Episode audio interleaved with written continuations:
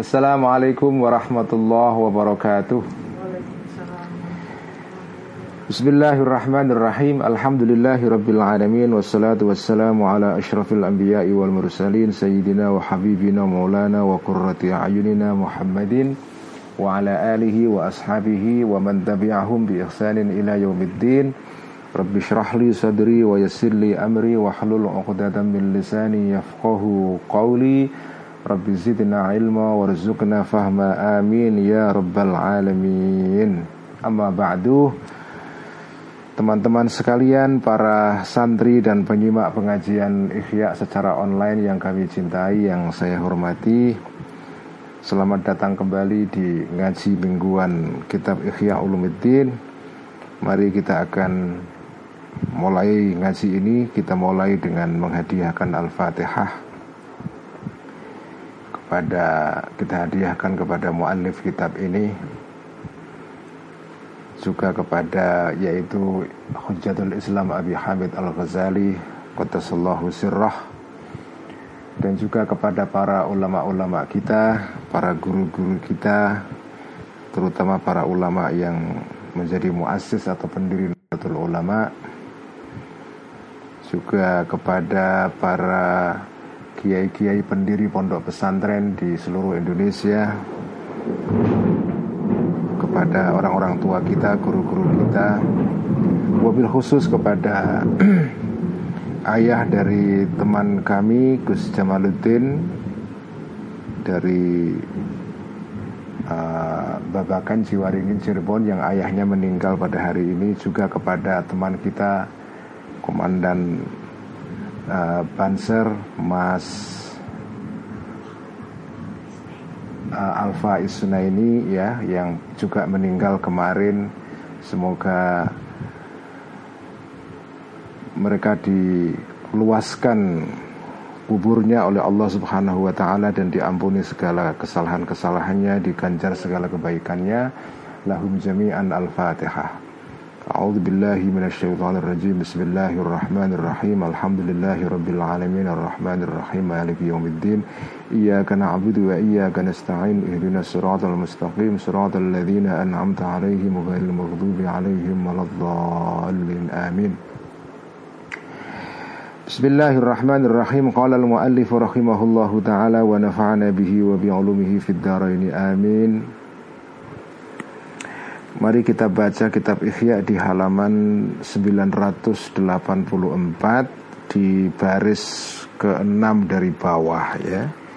Halaman 984 mm, baris ke-6 dari bawah yang bunyinya adalah wa idza kana haddul i'tidali khafiyan fi haqqi kulli syakhsin fal hazmu wal ikhtiyatu yanbaghi alla yutraka fi kulli halin ya. Bismillahirrahmanirrahim. Wa idza kana dan jika ada haddul i'tidali batasan tengah-tengah moderat ya moderasi dalam hal konsumsi makanan seperti diterangkan pada bagian yang lalu. Khafiyan samar tidak jelas fi haqqi kulli syahsin terhadap semua orang. Maka fal hazmu maka sikap uh, sikap yang hati-hati atau sikap yang yang keras ya atau ya hati-hati wal ikhtiyatu dan hati-hati juga yang bagi seyogianya ya Allah yutroka tidak ditinggalkan sikap atau tidak tadi itu moderasi fi kulli halin dalam setiap keadaan kondisi ya. Jadi memang menjaga moderasi sikap tengah-tengah dalam hal konsumsi makanan itu kadang-kadang batasannya tidak pasti bagi semua orang karena kondisi semua orang itu tidak sama. Jadi karena itu sikap yang lebih baik adalah hati-hati ya, yaitu eh, ya tidak tidak tidak sembrono, tidak teledor sehingga akan tergelincir ya. Jadi Nah ini menunjukkan bahwa Sikap moderat ya Sikap tengah-tengah itu tidak mudah ya. Dibutuhkan sikap yang hati-hati, terus waspada, tidak boleh lengah dan seterusnya. Kalau Anda menjadi ekstrim maksudnya makan berlebihan atau lapar secara ekstrim itu mudah. Tetapi begitu Anda kepingin di tengah-tengah antara ekstrim kanan, ekstrim kiri Itu dibutuhkan sikap yang penuh dengan kewaspadaan ya. Uh, seperti itu loh apa? Seperti pemain sirkus yang harus menjaga keseimbangan ketika jalan di atas seutas tali ya. Anda tidak akan bisa berdiri di atas tali sebagai pemain sirkus kalau tidak bisa menjaga tidak sikap yang uh, tengah-tengah ya, balance. Kalau jatuh ke kanan, jatuh ke kiri itu mudah sekali, tidak dibutuhkan keterampilan. Anda naik di uh, seutas tali langsung dengan sendirinya jatuh, entah ke kanan atau ke kiri. Tapi menjaga keseimbangan di tengah-tengah itu itu sulit-sulit sekali. Makanya Islam moderat itu Islam yang susah sebetulnya, bukan Islam yang yang gampang ya. Justru susah ya. Ya ada juga aspek-aspek dalam Islam moderat itu yang mudah ya. Tapi secara keseluruhan menjadi muslim moderat itu tidak tidak mudah sebetulnya. Kalau menjadi ekstrim itu mudah sekali. Tapi menjadi moderat dalam pengertian menjaga secara konsisten ada di tengah itu membutuhkan sikap al-hazmu wal-ikhtiyat ya. Hati-hati tidak boleh lengah, waspada terus menerus ya. Itu itulah yang tidak ya.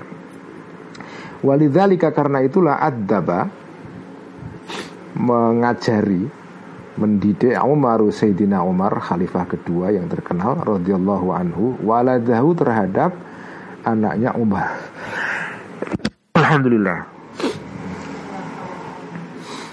waladahu kepada anaknya Sayyidina Umar yaitu Abdullah eh, sahabat Abdullah bin Umar. Anaknya Sayyidina Umar ya yang terkenal dengan sebutan Ibnu Umar ya. Pernah Sayyidina Umar ngajari anaknya ketika terjadi kondisi berikut ini peristiwa berikut ini izdakhala ketika masuk alaihi Sayyidina Umar alaihi kepada anaknya tadi Abdullah fawajada maka menjumpai Sayyidina Umar yahu kepada anaknya ya. Yakulu ya ini maf'ul keduanya kata wajada di sini uh, apa itu uh, salah satu kata kerja yang yang menjadi apa salah satu akhwat atau saudaranya atau diserupakan dengan kata zonna ya. Jadi kata kerja tapi dia punya maf'ul atau objek sampai dua. Itu salah satu ciri dari kata kerja yang disebut dengan zonna wa akhwatuha ya. Kata kerja yang kalau dalam istilah tata bahasa Latin atau Prancis ya itu disebut dengan kata kerja yang uh, ya yang menunjukkan kondisi hati ya. Fawajada maka menjumpai Sayyidina Umar hu maf'ul pertamanya kepada Abdullah. Yakulu maf'ul keduanya makan Abdullah ini anaknya Sayyidina Umar lahman daging ya. Makduman yang dicampur sebagai lauk ya. Bisamnin dengan minyak samin daging dicampur dengan minyak samin ya. Fa'alla atau fa'ala ya, maka maka apa itu me, menaruh di atasnya saya apa Abdullah yaitu anaknya Umar ya. Fa'ala maka menaruh di atas ya Sayyidina Umar hu kepada Abdullah anaknya roti dengan uh, dengan apa? Tekan apa tekan itu apa? Tongkat ya. Kemudian Sayyidina Umar naruh tongkatnya di atas kepalanya anaknya ini ya. ini mungkin ketika Abdullah bin Umar masih kecil ya. Jadi masih masih belum belum dewasa ya. Makanya diperlakukan seperti ini. Jadi tekennya tongkatnya Sayyidina Umar ditaruh di atas kepalanya anaknya. Wakala dan berkata Sayyidina Umar La ummalaka Ini marah Sayyidina Umar ini. Anaknya makan enak-enakan Makan yang agak mewah Yaitu uh, Apa Daging dicampur dengan minyak samin Ya, ya untuk ukuran Sahabat-sahabat Nabi yang umumnya mereka memang konsumsi makanannya dan gaya hidupnya, lifestyle-nya itu sederhana sekali. Ya, ini sudah kategorinya mewah ini. Kemudian Sayyidina Umar berkata dengan nada marah la ummalaka. Ya ini ini apa ekspresi kemarahan. Idiom ini ya la ummalaka. Kalau secara harafiah artinya la umma tidak ada ibu laka bagimu. Ya. Tidak punya ibu kamu kira-kira ya apa ya. Ini ungkapan kemarahan ya khas Arab diterjemahkan dalam bahasa Indonesia ya nggak bisa harus dicari padanan ungkapan kemarahan dalam bahasa Indonesia ya. La ummalak ya. La ummalak ya. Ibumu mana kira-kira gitu kalau dalam bahasa kita mungkin ya. Makmundi gitu. Marah ya Sayyidina Umar. Kul makanlah engkau yauman pada hari ini khubzan roti uh, walahman dan daging. Jadi kalau kamu makan Hari ini makan roti campur daging lauknya Nanti wayauman dan hari berikutnya Khubzan roti walabanan dan uh, susu ya. Nanti wayauman dan lain hari lagi Khubzan roti wasamnan dan dan minyak samin Wayauman dan hari yang lain lagi khubzan roti wazaitan dan minyak. Wazaitan dan minyak. Maksudnya minyak minyak apa? Minyak zaitun ya. Minyak zaitun. Wayauman Jadi kalau disebut zait Itu artinya adalah uh, Minyak zaitun. Tapi kalau disebut samnon Minyak samin itu ya minyak yang terbuat dari lemak Lemak apa? Lemak hewan ya. Jadi Jadi kata zait Secara harafiah maknanya memang minyak Tapi kalau disebut zait Di dalam bahasa Arab klasik ya Dengan sendirinya maknanya adalah minyak zaitun ya Olive oil Wayauman dan hari yang lain lagi khubzan roti wa milhan dan uh, wa milhan dan garam. Wayauman dan lain lagi khubzan roti kofaron yang tanpa lau apa-apa. Jadi makan itu jangan seragam setiap hari. Ini ajarannya Sayyidina Umar. Ini diet ala Sayyidina Umar ya. Jadi ya makanan pokoknya karbohidratnya roti itu makanan dasarnya. Tapi lauknya itu jangan jangan apa itu Eh, semua sama ya. Jangan semua sama Nah ini Sayyidina Umar melihat anaknya makan Ya karena mungkin anaknya tadi Abdullah bin Umar itu menggemari atau kesukaannya itu adalah roti bersama minyak samin ya. Roti lauknya daging dicampur dengan minyak samin kesukaannya Lalu tiap hari makan itu terus. Nah, di kemudian dimarahi sama bapaknya. Jadi makan itu harus hmm, selang-seling. Dan jangan semua dirapel ya, dikumpulkan. Ya minyak samin, ya susu, ya daging, ya minyak zaitun, ya garam semua jadi satu. Kayak makanan Padang itu semua dikeluarkan. Nah, itu itu tidak tidak sesuai dengan diet Sayyidina Umar ya. Ya artinya makanan yang tidak moderat itu seperti ini contoh konkretnya ya. Selang-seling jangan diet itu setiap hari sama dan sederhana ya, sederhana. Ya tidak ya. Wahada inilah huwa al-i'tidalu al-i'tidalu adalah adalah tengah-tengah moderasi ya. Inilah contohnya. Fa'ammal muwazabatu Adapun terus menerus Melanggengkan ala lahmi terhadap Diet berupa daging Wasyahawati plus Makanan-makanan lain yang menjadi kesukaan Maksudnya wasyahawat ya Jadi kalau sama Terus setiap hari daging plus makanan-makanan yang menjadi kesukaan Seperti itu yang kamu lakukan Maka itu disebut fa'ifrotun Maka disebut sebagai uh, sikap ekstrim ya wa israfun dan berlebihan. Wa mu, jadi kalau seperti itu ya. Tetapi wa muhajaratul lahmi dan uh, meninggalkan daging ya, wa muhajaratul lahmi dan meninggalkan daging bil kulliyati secara keseluruhan itu namanya iqtarun adalah ngirit yang berlebihan. Itu juga nggak boleh. Wahada dan ini maksudnya sikap atau contoh yang dicontohkan Sayyidina Umar kepada anaknya itu disebut sebagai kawamun ya sikap tengah-tengah ya kawamun ini istilah yang dipakai dalam Al-Quran juga kan? Wakana baina dzalika qawama. Ya dalam surat Luqman kalau tidak salah itu. Atau Al-Furqan ya. Wahada dan sikap ini Sikap seperti dicontohkan Sayyidina Umar Kawamun adalah tengah-tengah Baina dhalika antara Yang tadi itu Ifratun wa israfun ya. Ifrat itu artinya adalah Berlebihan dalam hal sedikitnya ya Artinya ngirit berlebihan itu ifrat ya. Israf itu berlebihan dalam arti Apa? Surplus ya. Makanannya kebanyakan itu namanya israf. Atau dalam istilah lain tafrid ya. Ada dua istilah dalam bahasa Arab ifrat dan tafrid ya. Ifrat itu artinya adalah ekstrim di dalam hal ngirit ekstrim defisit tafrid itu ekstrim dalam hal surplus ya. Makan makan berlebihan itu namanya tafrid. Lapar berlebihan itu namanya ifrat ya. Atau takdir ngirit ya. Dua-duanya tidak dianjurkan oleh agama. Ya begitulah ya. Yang sebaiknya itu perkara itu memang di tengah-tengah khairul umuri ausatuha atau ausatuha ya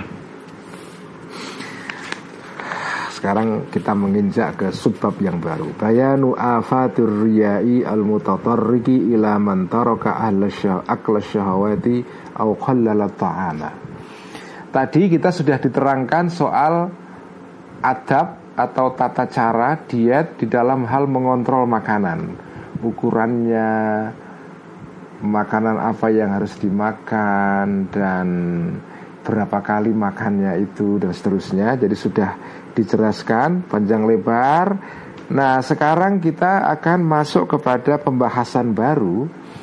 Orang yang menjalani lapar sebagai jalan spiritual ya bukan sekedar diet normal dalam pengertian yang sekuler yaitu sekedar untuk me, me, mencari kesehatan badan fitness ya itu menghadapi persoalan rohani yang lain yaitu ini yang akan dibahas nanti. Jadi lapar sebagai jalan spiritual itu tidak mudah. Laparnya sendiri itu mengandung tantangan.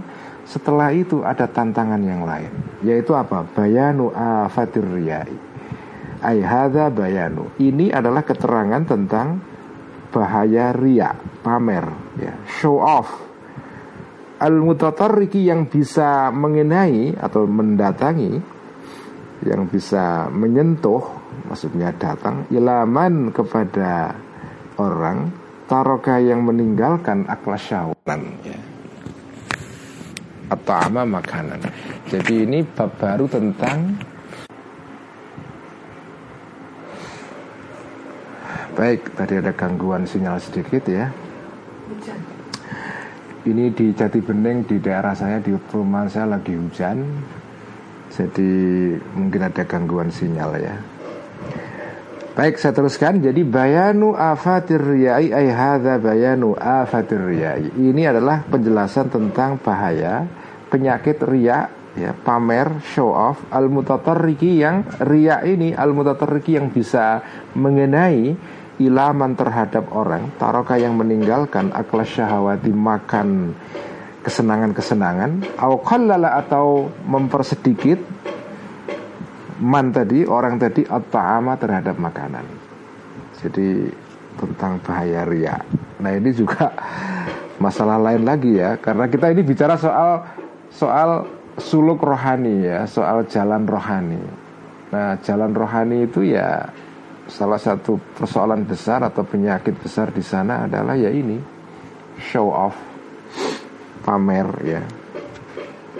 Yang itu ya disebut sebagai syirkun khafi sebagai syirik yang samar ya. Bukan syirik yang jahri yang kelihatan seperti menyembah Tuhan selain Allah. Itu syirik jali atau syirik yang zohir. Tetapi kalau ria itu syirik tetapi yang tidak nampak. Kelihatannya orang itu beribadah tapi di balik itu ada tindakan syirik yang tidak kelihatan ya. Baik mari kita baca keterangan atau penjelasan Al-Ghazali mengenai soal ria ini. Ya alam, ketahuilah annahu sesungguhnya keadaan berikut ini damir ya dahulu masuk atau mengenai ya, menimpa ala tarik syahwati terhadap orang yang meninggalkan makanan yang disukai, makanan favorit orang seperti ini, orang yang mengontrol makanan itu punya tantangan. Alhamdulillah. Afatani ada dua afat, ada bahaya dua. Azimatani yang besar, yang besar keduanya ini.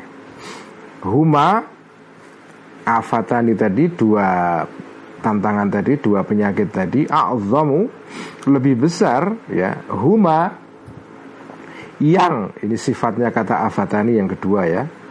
Jadi ini domir is, uh, jumlah ismiyah tapi yang menjadi sifatnya kata afatani. Jadi orang yang mengontrol makanannya melakukan suluk rohani melalui lapar itu dia dia bisa tertimpa afatani. Dua afat yang azimatani yang besar keduanya yang sifat kedua huma yang dua-duanya a'zamu lebih besar min akli syahwati daripada makan kesenangan kesen, makanan kesenangan itu sendiri. Jadi ria itu justru lebih berbahaya daripada ngumbar makan.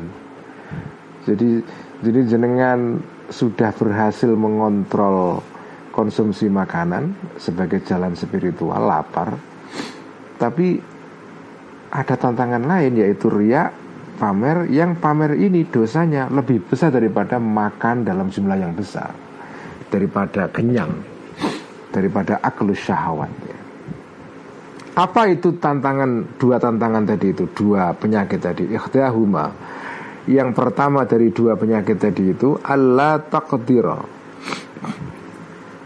tidak mampu an nafsu jiwa atau nafsu kita ala tarki ba'dis syahwati untuk meninggalkan sebagian makanan-makanan kesenangan.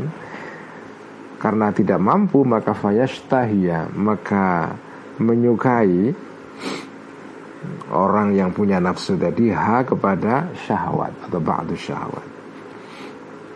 Jadi ada orang yang sebetulnya dia tidak mampu mengendalikan nafsunya untuk meninggalkan makanan favorit ya. Karena tidak mampu akhirnya dia ya terpaksa memakan makanan itu.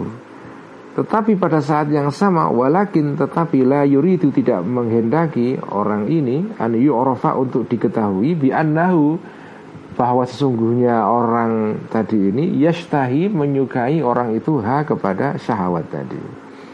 Karena dia tidak kepingin dilihat orang dia suka makan dan kepingin dikesankan dirinya itu orang yang soleh yang mampu mengendalikan diri maka fayukhfi atau fayukhfiya maka kemudian menyimpan, menyembunyikan orang tadi asyahwata kepada kesenangannya ini, kepada makanan kesukaannya ini.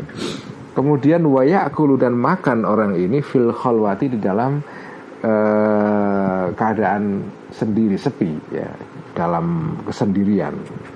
Artinya di kamar, di rumahnya dia makan makan sepuas-puasnya, makan makanan yang disukai itu. Tapi keluar seolah-olah dia puasa, seolah-olah dia mampu mengendalikan diri. Diajak makan pura-pura nggak mau ya, supaya apa image-nya, citranya ini orang yang mampu mengendalikan nafsunya. Ah itu disembunyikan. Waya aku dan makan orang ini fil khalwati dalam kesendirian, dalam kesepian ma makanan layak kulu yang tidak akan makan orang ini hu kepada ma tadi ma'al jamaati bersama orang banyak. Inilah wahada sikap atau tindakan seperti ini huwa hadza ini asyirku adalah syirik al khafi yang samar. Inilah syirik khafi ya. Dan ini bisa diterapkan untuk segala hal ya. Ya intinya kalau ada orang kepengen tampak soleh di, di muka umum, di muka publik, tapi kemudian di saat-saat dia tidak bersama orang lain, sendirian, dia melakukan segala hal yang melanggar agama. Itu namanya syirik hofi. Saya kira ini penyakit yang hampir mengenai semua orang ya. Ya kita semua ya pernah melakukan ini. Saya juga pernah melakukan ini. Jadi kalau kita ngaji kitab Ihya seperti ini malam ini ini sebagai otokritik ya. Ya tentu saja ya namanya manusia ya kita punya kelemahan. Apalagi di era ketika tampak menjadi orang soleh secara publik itu sekarang kan tekanan yang luar biasa. Sampean sekarang itu kan menghadapi satu kayak social pressure, tekanan sosial supaya di muka orang banyak itu kelihatan baik, soleh, apalagi bagi politisi, wah itu tantangannya besar sekali. Ya itulah keadaannya, ya real itulah keadaan yang kita hadapi sekarang. Tapi itu bahaya kalau anda kepingin melakukan perjalanan rohani itu harus diatasi, nggak boleh dibiarkan ya. Jadi menampakkan diri sebagai orang baik di muka umum tapi begitu kita sendirian kita melakukan hal-hal yang yang sebaliknya. Itu jangan kita lakukan ya. Suila ditanyakan ditanya ba'dul ulama'i sebagian ulama an ba'diz zuhadi tentang sebagian orang-orang ahli zuhud ya. Istilah zuhad itu adalah istilah untuk menyebut sufi di zaman awal ya jadi di awal-awal abad Islam di abad pertama Hijriah, kedua, ketiga itu istilah sufi itu belum dipakai. Jadi yang disebut dengan sufi pada zaman-zaman itu itu biasanya disebut dengan istilah zahid, orang ahli zuhud. Atau istilah yang lain adalah al-abid ahli ibadah atau an-nasik ahli ahli ibadah juga istilah sufi itu baru mulai luas dipakai. Itu setelah ya pada era Al Ghazali itu sudah mulai dipakai tapi tapi mulai luas dipakai secara apa ya masif ya. Itu ya setelah era Al Ghazali ketika mulai muncul tarekat. Mulai muncul ordo ya ordo spiritual. Tarekat-tarekat itu kan muncul setelah Al Ghazali pada era Al Ghazali belum ada tarekat ya karena itu Al Ghazali tidak meninggalkan tarekat ya. Uh, Syabdul Qadir Jailani itu yang menjadi sumber tarekat Qadiriyah ya itu lahir setelah generasi Al Ghazali pada era Al Ghazali dan sebelumnya ya um, apa, Imam Kushairi Imam Abu Talib Al Makki uh, Fud, apalagi Fudal bin Iyad, Sahal At-Tustari, Zunnun Al-Masri, Ibrahim bin Adha, Ma'ruf Al-Karhi, Junaid Al-Baghdadi itu tokoh-tokoh yang lahir ketika istilah sufi itu belum dikenal. Ya, ya masih sedikit lah dipakai ya. Karena itu eh, risalah-risalah mengenai tasawuf pada era-era sebelum Al-Ghazali itu jarang yang disebut atau menggunakan judul tasawuf kan. Uh, misalnya Risalah Kusyeria ya disebut Risalah Al atau bukunya uh, apa itu? Bukunya uh, Abu Talib Al Makki Ar-Riayah li Hukukillah ya. Uh, dan atau kitab tentang kitab zuhdi kitab mengenai zuhud. Itu banyak dikarang oleh para ulama-ulama yang muncul sebelum generasinya Al Ghazali Nah kalau di sini disebut dengan zuhad itu artinya adalah orang-orang ahli sufi ya, orang-orang sufi. Jadi ada ulama ditanya mengenai mengenai tentang orang ahli orang yang dikenal sebagai sufi atau zahid ya, ahli zuhud ya. Kemudian fasa kata maka diam ba'dul ulama tadi anhu mengenai ba'du zuhad ini. Ulama tadi tidak berkomentar apa-apa. Fakila maka ditanyakan lahu kepada ba'dul ulama, hal ta'lamu bihi ba'san? Kenapa kok jenengan kiai kok diam Tidak mau berkomentar mengenai Si Anu yang dikenal sebagai ahli tasawuf itu Apakah hal ta'alamu apakah mengetahui engkau wahai kiai bihi mengenai tadi ba'du zuhad baksan ada sesuatu, ada isu, ada perkara, ada sesuatu yang bermasalah kira-kira itu. Apakah ada soal? Ya. Jadi any problem kira-kira gitu mengenai orang ini? Nah akhirnya karena didesak ya Kiai tadi kota maka berkata Kiai tadi? Akhirnya menjawab membuka rahasia. Yakulu fil khalwati mala yakulu fil jamaat yakulu makan si ba'du zuhad tadi itu fil khalwati dalam keadaan sendiri ma makanan lah yakulu yang tidak makan orang itu fil jamaati bersama orang banyak ya artinya tadi itu pamer ya jadi zuhudnya bukan zuhud yang otentik tapi zuhud yang artifisial. Ini kisah diambil dari kitab Khutul Qulub dari kitab karangan Abu Talib Al-Makki. Kitab yang menjadi rujukan ikhya banyak sekali ya. Salah satu sumber awal yang menjadi dasar Al-Ghazali menulis kitab Ikhya ini salah satunya adalah kitab Khutul Qulub ya. Abu Talib Al-Makki. Nah ini wahadi dan hal ini afatun adalah penyakit azimatun yang besar sekali. Balhakul abdi sebaliknya uh, hak atau keharusan atau kewajiban seorang hamba tulia ketika dicoba oleh Allah bisyahawati dengan menyukai uh, makanan tertentu wa hubbiha dan menggemari syahwat tadi itu an yuzhira untuk memperlihatkan al abad hamba tadi ha kepada kesenangan-kesenangannya tadi itu. Kalau kamu memang suka makanan tertentu ya sudah ya kamu nggak usah sembunyikan. Ya tunjukkan saja. Jangan kemudian pasang citra seolah-olah kamu tidak menyukai itu ya. Supaya dianggap sebagai orang yang soleh atau zuhud ya. Fa inna karena sesungguhnya ini yaitu menunjukkan apa ada kesukaan kamu ini sidqul hali adalah kejujuran keadaan tentang diri kamu. Wahwa ya dulu wahwa dan ini keadaan seperti ini ya dulu menunjukkan hadza tadi ala fawatil mujahadati terhadap uh, teledornya mujahadah atau ya, perlawanan ya maksudnya teledornya riadoh training rialat tirakat ya bil amali dengan tindakan nyata. Tunjukkan saja memang punya kelemahan rohani ya.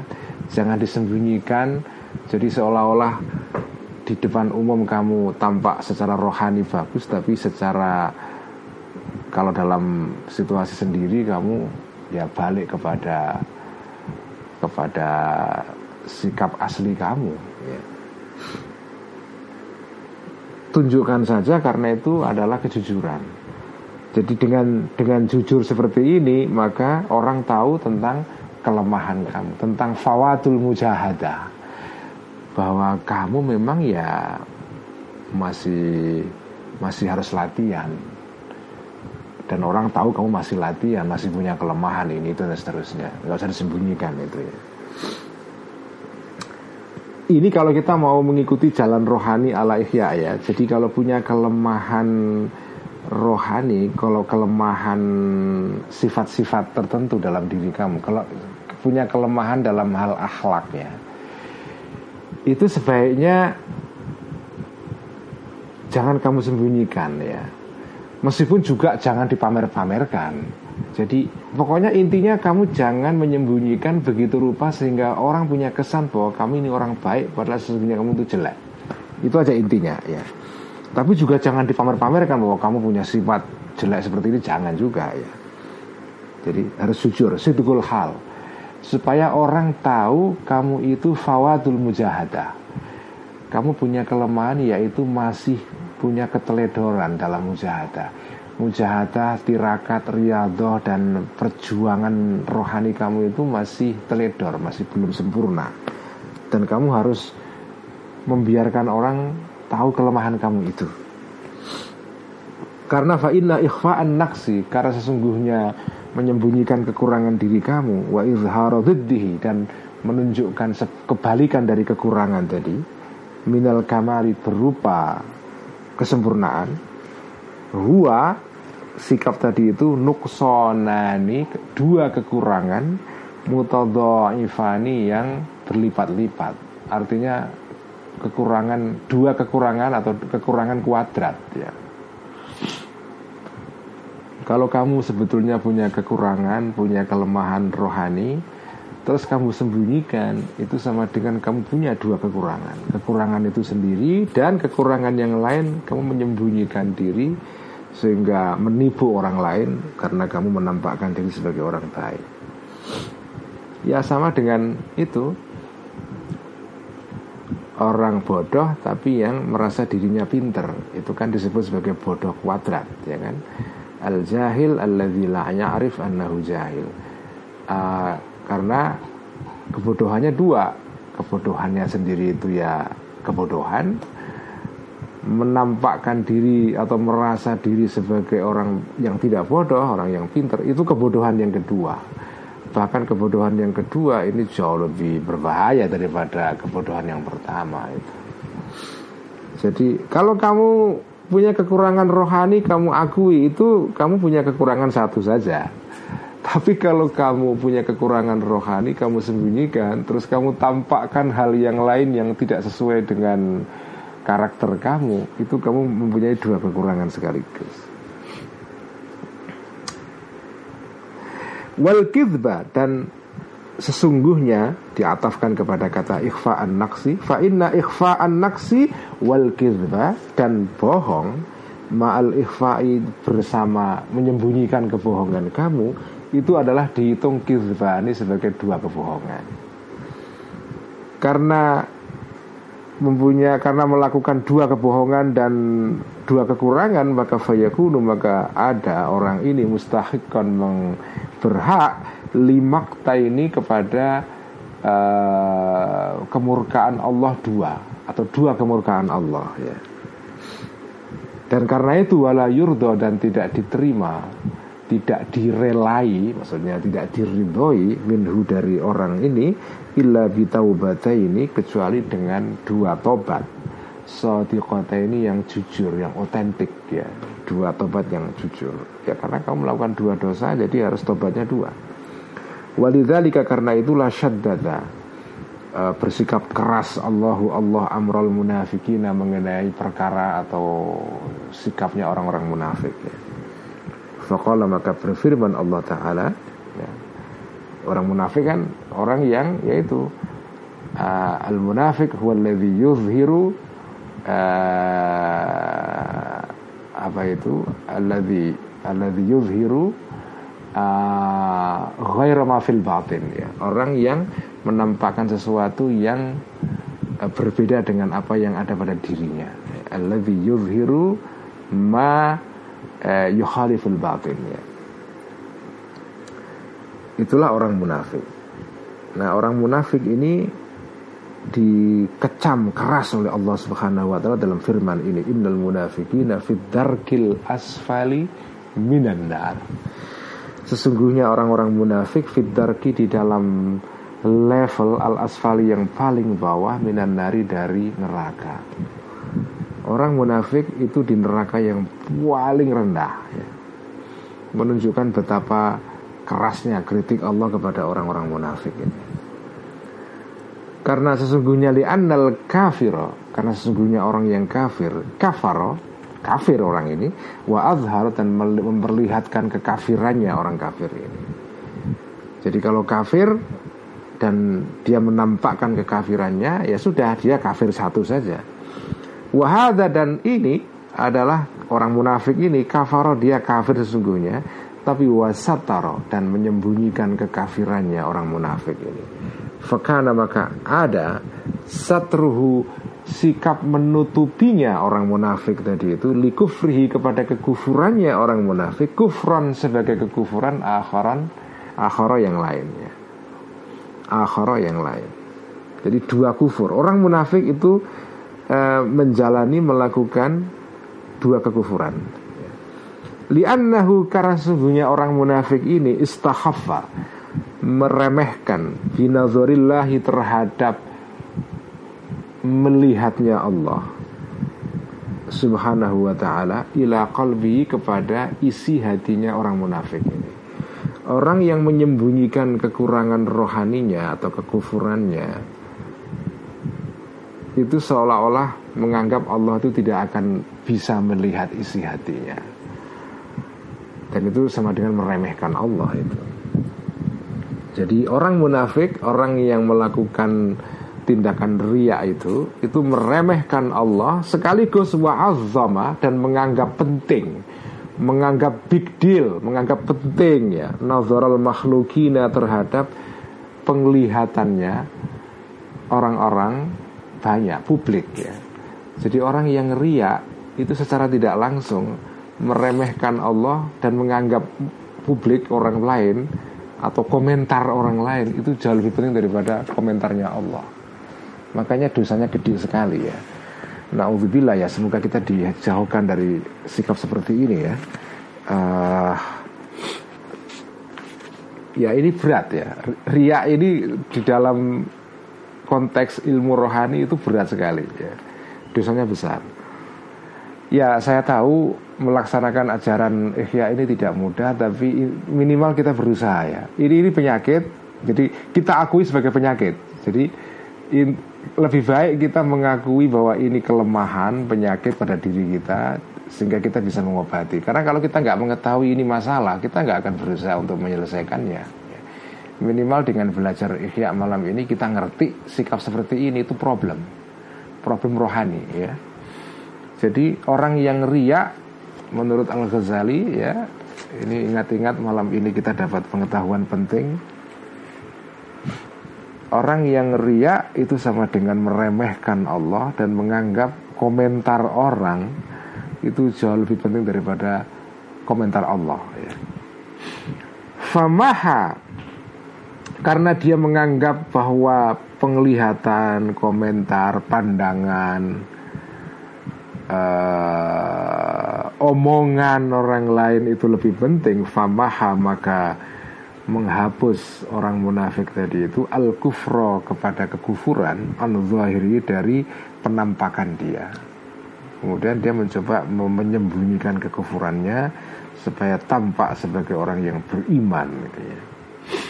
Wal arifuna dan orang-orang yang sudah sampai kepada level ma'rifat para wali-wali, para orang-orang sufi yang sudah makomnya itu tinggi yaitu makom ma'rifat itu masih yubtalauna dicoba orang-orang arifin ini bisyahwati uh, dengan kesenangan-kesenangan.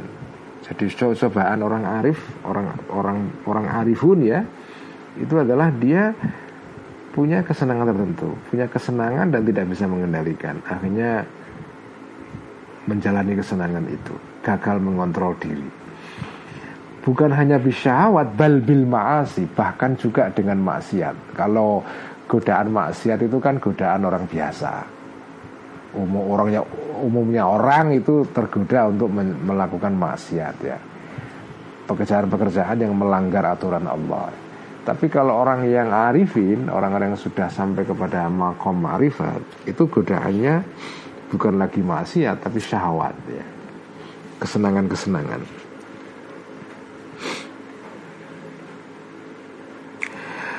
Uh, wala yubtalauna dan tidak dicoba al arifun ini beriai dengan ria wal ghasyi dan menipu tadi menipu penampakan wal ikhfai dan uh, menyembunyikan diri. Jadi kalau orang sudah jadi gini intinya, orang yang sudah sampai kepada makom ma'rifat itu bukan berarti dia tidak menghadapi cobaan lagi, karena seperti diajarkan dalam kitab yang sebelumnya, ya.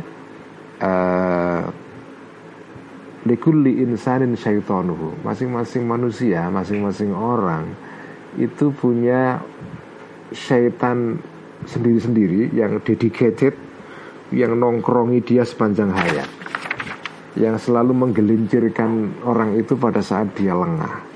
Bahkan orang yang arifun pun itu juga masih ditongkrongi oleh syaitan juga. Yaitu syaitannya dia apa, godaannya dia apa. godaannya berupa syahwat ya berupa tindakan maksiat. Cuma bedanya orang arifin ini kalau dicoba dengan maksiat dan syahwat dia tidak mencoba untuk menyembunyikan diri. Dia berhasil mengatasi godaan kedua yaitu riak. Ya sudah kalau dia punya kesenangan dan gagal mengatasi kesenangannya dan terjatuh kepada tindakan yang apa berlawanan dengan dengan ini ajaran tentang kontrol diri ya dia terus terang nggak nggak disembunyikan ya. Itu kalau orang yang arifun ya. Bal kamalul arifi bahkan kesempurnaan orang yang mencapai makom ma'rifat an yatruka adalah orang ini mampu meninggalkan asyahawati kepada kesenangan-kesenangan. Tujuannya ya meninggalkan syahwat lillahi demi Allah taala. Bukan demi komentar orang lain ya. Bukan demi komentar di wall Facebook atau di Twitter atau di Instagram ya. Murni karena Allah saja ya. Ini era media sosial ini era yang menggoda kita untuk selalu mendapatkan komentar baik dari orang lain ya. era narsis narsisisme ya ini era sekarang. Makanya berat.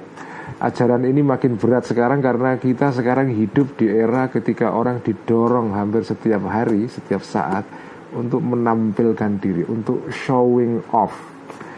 Ini berat sekali memang ya. Tapi justru itu relevansi ikhya sekarang ya ini ya. Relevansi ikhya di era medsos justru di sini.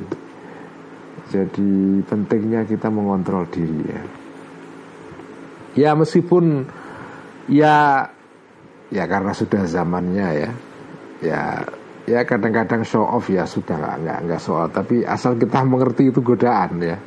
Jadi oke okay, kalau kita punya kelemahan kepengen show off oke okay, ya lakukan itu. Tapi pertama ya kita tahu itu jebakan sehingga kita harus hati-hati. Jadi kita bisa kalau bisa mengontrol dosisnya jadi dosis dosis pamer di medsos itu kalau bisa dikontrol ya. Tapi kalau kita nggak ngerti bahwa itu jebakan dan itu penyakit rohani, ya kita udah ambiar tercebur di situ tanpa bisa kontrol itu. Jadi kita yang penting kita ngerti ini cobaan sehingga kita bisa kontrol. Wa dan menampakkan orang tadi ini min nafsihi, orang arif ini wa dan menampakkan seorang arif min nafsi dari dirinya orang arif asyahwata kesenangan. Jadi kalau orang yang sudah sampai kepada makom ma'rifat Kalau dia punya kesalahan ya sudah jujur. Ya salah ya salah ya. Oh aku memang suka ini dan kadang-kadang saya juga gagal ya. Mengatasi itu. Jadi menjadi orang arif me, me, Menjadi orang yang sampai kepada makom ma'rifat itu bukan berarti kok orang ini tidak pernah melakukan kesalahan sedikit pun. Itu bukan. Ya. Dia melakukan kesalahan tapi dia jujur dengan kesalahannya itu. Ini yang membedakan antara orang yang arifun dan yang bukan arifun. Yang bukan arifun bertindak salah punya kelemahan disembunyikan. Orang tertipu. Wah itu namanya orang yang tidak arifun jadi orang yang arif itu bahkan kesempurnaan orang arif itu adalah kalau dia bisa meninggalkan syahwat demi Allah dan bahkan ya ini seperti ajaran dalam tarekat malamatiyah ya yang terkenal itu.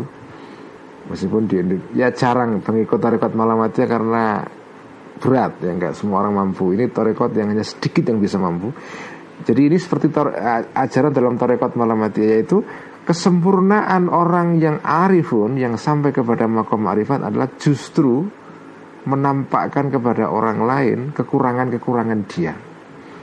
Supaya iskatan untuk menggugurkan untuk menurunkan atau menghancurkan liman zilati terhadap citranya atau levelnya orang ini al arif mingkulu bil dari hatinya orang banyak jadi justru orang arifun itu kepengen tidak dilihat sebagai orang arifun di mata orang banyak. Dengan cara apa? Dengan cara menampakkan kesalahan-kesalahan dan kekurangan-kekurangan dia sehingga dia seolah-olah bukan orang baik. Supaya dia tidak dianggap sebagai orang penting oleh orang lain. supaya dia bisa menghancurkan egonya. Itulah kesempurnaan orang arifun ya. Berat ya, sudah, sudah pasti berat. Ini eh, nggak semua orang mampu ya. Ya ini memang nggak normal. Kalau normalnya manusia ya berusaha dia tampak sebagai orang baik di mata orang orang banyak. Tapi kalau orang arifun justru malah kebaikannya citra citra sebagai orang baik itu kalau bisa disembunyikan. Dan ini ada cerita yang diwakar dan ada, Pak, ini kisah ya. Kisah yang dikutip juga dari kitab Khutul Khulub ya. Wakar dan ada ba'duhum sebagian orang arifun ini ya, yashtari membeli orang ini asyahwati kesenangan makanan-makanan favorit maksudnya syahwat itu wa yu'alliku dan menggantulkan orang ini hu kepada makanan-makanan kesenangan ini syahwat fil baiti di depan rumahnya wahua sementara ya wahua dalam keadaan jumlah halia wahua dalam keadaan orang ini fiha dalam masalah syahwat ini minaz zahidina termasuk orang yang zuhud jadi sebagian orang arifun justru ini melakukan tindakan yang aneh ya. Jadi di depan rumahnya dia tunjukkan banyak makanan Padahal dia sebetulnya tidak menyukai makanan itu. Di dalam dia nggak makan Tapi di depan rumahnya di, di display itu Makanan yang enak dan segala macam Supaya dia tidak dianggap sebagai orang yang soleh Orang yang orang yang zuhud ya. Wa nama itu dan sesungguhnya uh, tetapi sesungguhnya itu in nama itu angin angin sak temene kalau dalam bahasa pesantrennya. Jadi in nama itu segot tauket tapi untuk menunjukkan uh, apa ya uh, makna kebalikan dari makna yang terkandung dalam kalimat sebelumnya itu in nama ya wa nama dan dan sesungguhnya bah atau dan sebaliknya itu wa nama dia sebaliknya sesungguhnya wa nama yaksidu dan sebaliknya sesungguhnya meniatkan ya menuju atau meniatkan orang arif tadi itu bihi dengan sikapnya tadi itu menunjukkan makanan-makanan mendisplay makanan di depan rumahnya talbisa hali untuk menyamarkan keadaan orang arif ini. Lias rifa supaya menghindarkan orang arif ini an nafsi dari dirinya orang arif kulubal ghafilina terhadap hatinya atau perhatian-perhatiannya orang-orang yang lengah maksudnya orang-orang pada umumnya hatta layata syawwasa sehingga tidak menjadi terganggu haluhu keadaan orang arif ini. Inilah orang yang benar-benar arif itu kadang-kadang begini. Kesempurnaan makom arifin adalah kadang-kadang dilakukan dengan seperti ini, menampakkan uh, kepada orang lain, kepada publik yang luas ya, kepada halayak rame bahwa kamu itu bukan orang baik. Bukan orang yang zuhud ya. Fanihayatu zuhdi. Maka puncak zuhud Wah ini Ini ajaran yang Penting kita garis bawahi ya Fanihayatu zuhdi Maka puncak zuhud ya, Puncaknya zuhud Zuhudnya zuhud itu adalah Az-zuhdu Zuhud itu sendiri Ya uh, fiz zuhdi di dalam zuhud ya. Puncaknya zuhud adalah menzuhudi zuhud. Ya, paham ya? Jadi fanihaya atau zuhdi maka puncaknya zuhud adalah az-zuhdu zuhud zuhdi dalam zuhud. Jadi puncaknya zuhud adalah menzuhudi zuhud. Dengan cara apa? Biizhari didi dengan cara menampakkan sebaliknya zuhud. Ya. Jadi zuhud yang paling puncak, ya, paling tinggi adalah ketika kamu zuhud tapi kamu tidak suka kalau dipandang kamu sebagai orang zuhud. Itu maksudnya menzuhudi zuhud itu itu. Dengan cara kamu menampakkan kepada orang ramai kebalikannya yaitu supaya kamu tidak nampak sebagai orang zuhud di mata orang ramai. Itulah yang disebut dengan az-zuhdu fi zuhdi ya. Az-zuhdu zuhud terhadap zuhud. Ya ini ajaran yang pasti susah ini ya bahkan zuhud pun kamu harus zuhud ya. artinya kamu tidak boleh kamu tidak boleh menyukai dipandang dicitrakan sebagai orang yang zuhud ya dan inilah wahada inilah amalu siddiqina tindakannya orang-orang yang sampai kepada makom siddiqin ya. arifin kalau sudah sampai di sini naik kepada makom di atas itu as-siddiqun. Yaitulah Abu Bakar as-siddiq itu karena termasuk karena ini juga ya. Selain karena beliau mempercayai apa pun yang dikatakan kanjeng Nabi ya. Termasuk dalam kisah Isra Mi'raj itu tapi juga karena ini juga ya. Makom as-siddiqun yaitu orang yang mampu mencapai level az-zuhdu fi zuhdi ya. Fa'innahu karena sesungguhnya zuhud seperti ini adalah jam'un menggabungkan, mengkombinasikan baina sidqa ini di antara dua kejujuran ya. Kalau yang tadi dua kebohongan, sekarang dua kejujuran ya. Kama annal awwala sebagaimana sesungguhnya yang pertama tadi itu yaitu orang-orang munafik jam'un adalah menggabungkan baina ini di antara dua kebohongan ya. Wahada dan sikap ini yaitu apa uh, apa sikap jujur dua kali ini ya uh, hamala atau kot kot kot hamala ya telah apa memikulkan menaruh ya sikap seperti ini alam nafsi kepada jiwa kepada diri kita ya Thiqala ini dua beban. Karena itu berat Karena itu disebut dengan orang sedikun itu Karena bebannya dua. Beban zuhud dan beban zuhud kepada zuhud. Jadi itu berat itu. Wajar dan uh, Apa me, uh, me, Melolohkan me, apa, Memasukkan ya. Menyuapkan itu cerah ya menyuguhkan, menyuapkan sikap tadi itu ha kepada nafsu kak sesabri eh, apa cangkirnya atau gelasnya kesabaran ya atau kesabaran yang diserupakan dengan gelas ya. Jadi ini adalah min idhafatil uh, musyabbah bih ilal musyabbah ya.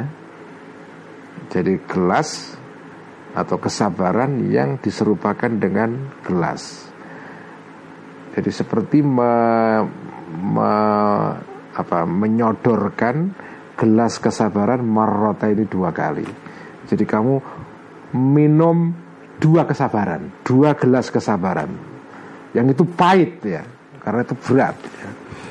Marrotan uh, kali yang pertama bisurbihi dengan meminum uh, apa meminum tadi itu gelas kesabaran diminum itu adalah beban yang pertama, kepahitan yang pertama, wa marratan dan kali yang kedua biramihi dengan membuang kesabaran itu. Dalam pengertian kamu tidak kamu jadi kamu berhasil melakukan dua kesabaran. Kesabaran pertama adalah kesabaran untuk ya tadi itu untuk bersikap zuhud ya Kemudian yang kedua setelah kamu berhasil sabar untuk menahan diri tidak menyukai kesenangan-kesenangan kamu Setelah kamu lakukan itu kamu buang ini eh, apa citra atau kesan bahwa kamu ini berhasil melakukan tindakan itu supaya kamu tidak dianggap di mata orang umum sebagai orang baik, orang yang sabar.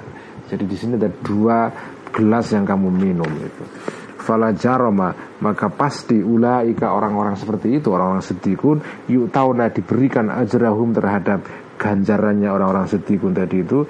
Marrotani marrotaini dua kali. Bima sabaru karena kesabaran mereka. Ya. Wahada dan seperti dan ini yudohi menyerupai sikap seperti ini yudohi menyerupai hada ini tariqa man jalannya orang yukta yang diberi ya diberi ya jahran dalam keadaan terang-terangan ya. Jahran dalam keadaan terang-terangan fayak hudu maka mengambil orang ini. Wayaruddu dan menolak orang ini siron dalam keadaan sembunyi-sembunyi ya liyak siro supaya me, me, mengendalikan menundukkan orang tadi itu eh, nafsahu terhadap dirinya orang ini ya bidhuli dengan kelihatan rendah jaharon dalam keadaan terang-terangan wabil fakri dan apa dan dengan cara menanggung sifat kefakiran sirran dalam keadaan sembunyi. Maksudnya apa?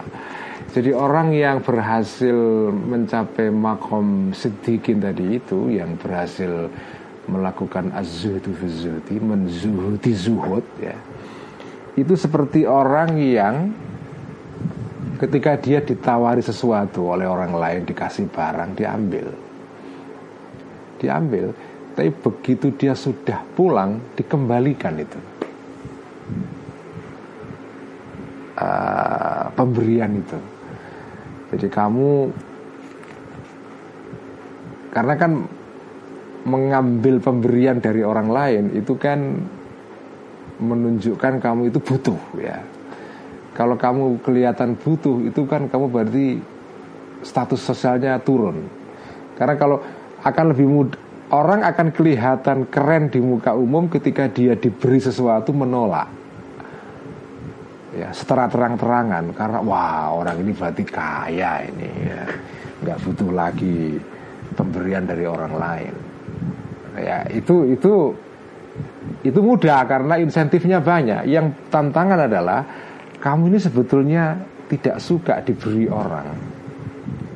Tapi ketika ada orang memberi kamu di depan orang banyak kamu ambil. Begitu kamu sudah pulang wayarudu sirran, sirran ya. Ketika kamu sudah pulang dalam keadaan sendiri kamu kembaliin itu. Apa keutamaan sikap seperti ini? Di muka publik kamu dianggap rendah, ya karena kamu tidak dikesankan sebagai orang yang sudah kaya, sudah nggak butuh zuhud ya. Tapi pada dasarnya kamu ini zuhud. Karena begitu kamu sudah sendirian, kamu kembalikan pemberian itu ya. Dengan cara ini kamu mengendalikan, menundukkan diri kamu ya. Kasrun nafsi, menundukkan diri kamu dengan cara kelihatan rendah secara jahran di depan umum.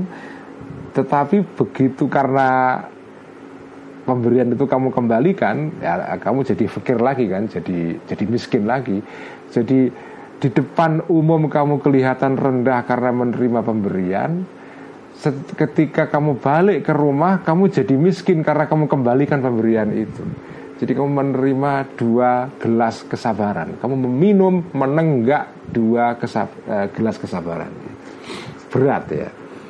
Faman maka barang siapa fata yang uh, yang yang luput ya. Hu kepada orang ini hada sikap seperti ini kalau kamu tidak sampai kepada nggak mampu sampai kepada level seperti ini ya minimal falayam bagi maka tidak seyogianya an yafuta untuk untuk luput. Hu kepada man tadi izharu syahwatihi menunjukkan syahwatnya orang ini ya.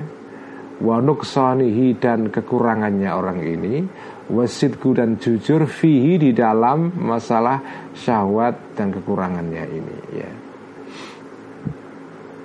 Jadi itu minimal kalau kamu tidak sampai kepada azzuhdu fi ya minimal kamu jujurlah kepada publik kepada orang kalau kamu kamu punya kekurangan ya. Jangan kemudian kamu sembunyikan kekurangan itu. Wala yang bagi dan tidak seyogianya an yahurro untuk menipu ya hu kepada orang ini. Qaulus syaitani ucapan syaitan ya.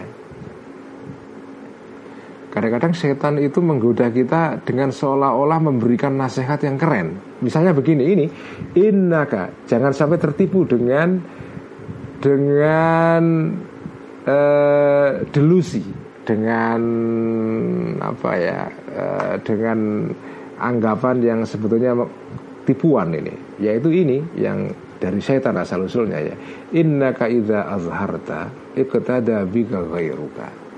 Innaka sesungguhnya engkau Iza azharta ketika pamer kamu kepada orang lain mengenai kebaikan kamu Itu kan iktada akan ikut jika dengan engkau Ghairuka orang selain kamu.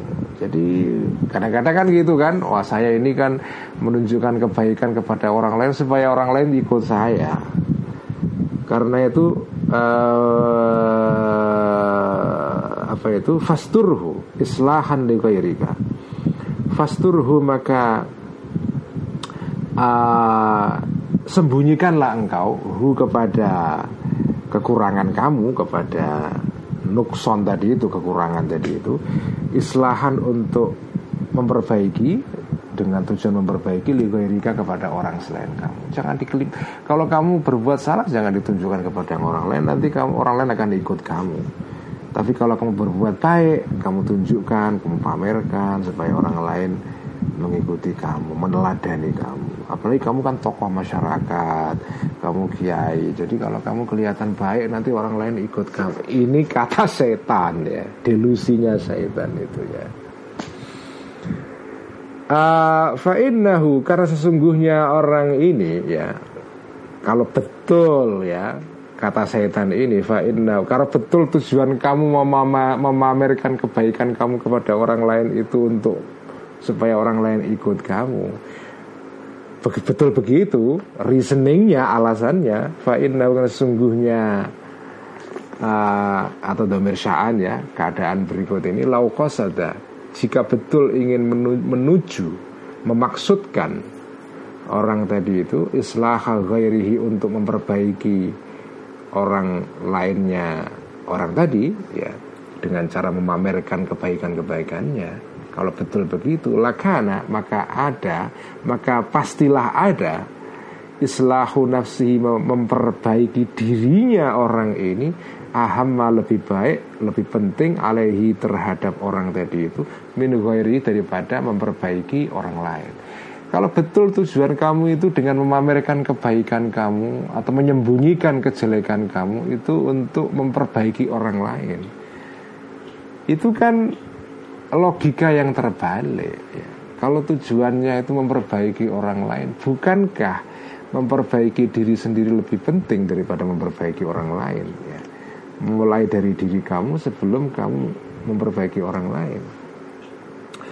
Fahada maka ini sikap memamerkan kebaikan innama atau fahada maka orang ini innama yaks itu sesungguhnya memaksudkan orang tadi itu dengan cara uh, menyembunyikan kejelekannya dan memamerkan kebaikannya sebetulnya dia ini kan tujuannya arya arya al mujarrada yang murni. Kan murni riak saja pamer saja ya.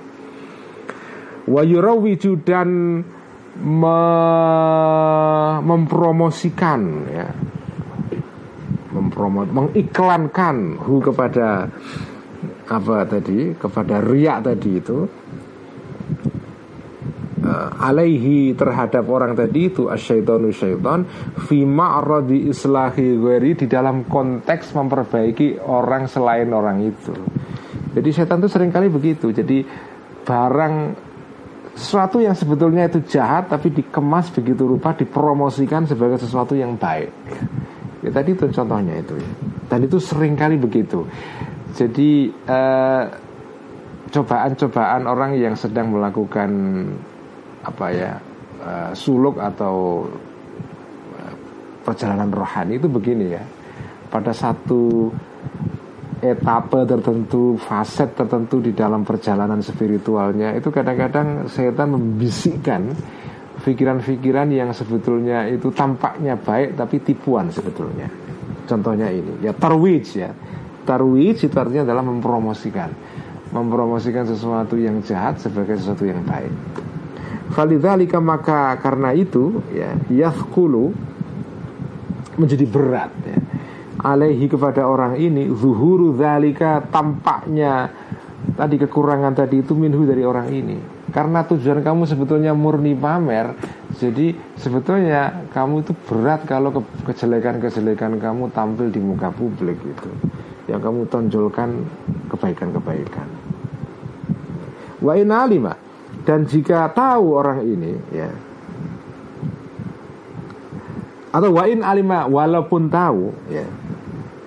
Wa in alima senajan walaupun tahu orang ini uh, annaman sesungguhnya orang ittala'a yang tahu man yang kedua tadi ini alaihi kepada orang tadi orang yang riak tadi itu uh, laisa Padahal dia tahu kalaupun ada orang mengetahui kejelek atau mengetahui kebaikan-kebaikan dia yang dipamerkan tadi itu, laisa tidak akan orang tadi ini orang yang melihat orang yang riak tadi itu yak tadi akan mengikuti orang tadi hi bihi kepada orang yang riak tadi. Fil fi'li di dalam hal pekerjaannya. Padahal sejatinya kamu kan ngerti juga seandainya kamu itu menunjukkan kebaikan kamu kepada publik belum tentu publik yang kamu pameri itu mengikuti tindakan kamu juga ya. belum belum tentu ya. aula yang zajiru atau tidak akan uh, menjadi bisa mengendalikan ya, atau terkendali ya, uh, orang yang melihat orang yang riak tadi itu bi'atiqadihi dengan etekadnya orang yang melihat orang riak tadi itu annahu sesungguhnya orang yang riak yang pamer tadi itu tarikun meninggalkan syahwati kepada syahwat-syahwat dia. Kalaupun kamu memamerkan kemampuan kamu kepada orang lain mampu mengendalikan syahwat kamu. Dan orang lain tahu itu belum tentu orang yang tahu itu juga mengikuti kamu mau meninggalkan syahwat juga itu ya. Ya intinya ginilah. Kalau ada setan menggoda kamu dengan pikiran-pikiran yang berbau tipuan tadi itu itu kita jawab kita counter ya dengan pikiran sebaliknya. Ya, tadi itu caranya adalah dengan cara mengatakan kepada diri kita bahwa belum tentu kalau saya pamer kebaikan orang lain yang tahu kebaikan saya meniru saya. Belum tentu kalau saya pamer kemampuan saya untuk mengendalikan diri orang yang tahu saya begitu belum tentu mau juga mengikuti saya kamu ini siapa sih kok menganggap dirimu penting banget menjadi teladan orang gitu? Sehingga kamu harus memamer-mamerkan emang kamu siapa? Kira-kira gitulah ya. Itu untuk menjawab delusi atau atau tipuan setan tadi itu ya. Obat atau antidotnya riak tadi ya itu ya. Dengan kita mencurigai eh, bahwa diri kita itu bisa menggerakkan orang lain untuk meniru kita. Emang kamu siapa? Jangankan kamu, wong kanji Nabi yang Nabi saja belum tentu perintah kebaikannya diikuti orang. Apalagi kamu orang biasa, pamer kebaikan belum tentu orang lain mau menerima atau mengikuti kebaikan kamu. Intinya ya riak itu kadang-kadang dipromosikan kepada kita oleh setan dengan uh, tipuan-tipuan tadi itu. Sekian ngaji Ihya malam ini. Kita teruskan minggu depan dan semoga kita bisa mengikuti ajaran kitab Ihya ini dan mendapatkan berkah dari kitab Ihya ini. Dan juga semoga ya mungkin wasilah dengan ngaji Ihya ini ya. Kita semua terhindar dari wabah yang sekarang sedang menimpa seluruh dunia semoga kita dijauhkan keluarga kita sahabat-sahabat kita negara kita dan semua orang dijauhkan dari wabah ini dilindungi kita semua dari ini. Berkat tawasul dengan Al-Ghazali dan dengan ngaji pada malam hari ini. Sekian mari kita tutup dengan bacaan hamdalah alhamdulillahirabbil alamin. Wassalamualaikum warahmatullahi wabarakatuh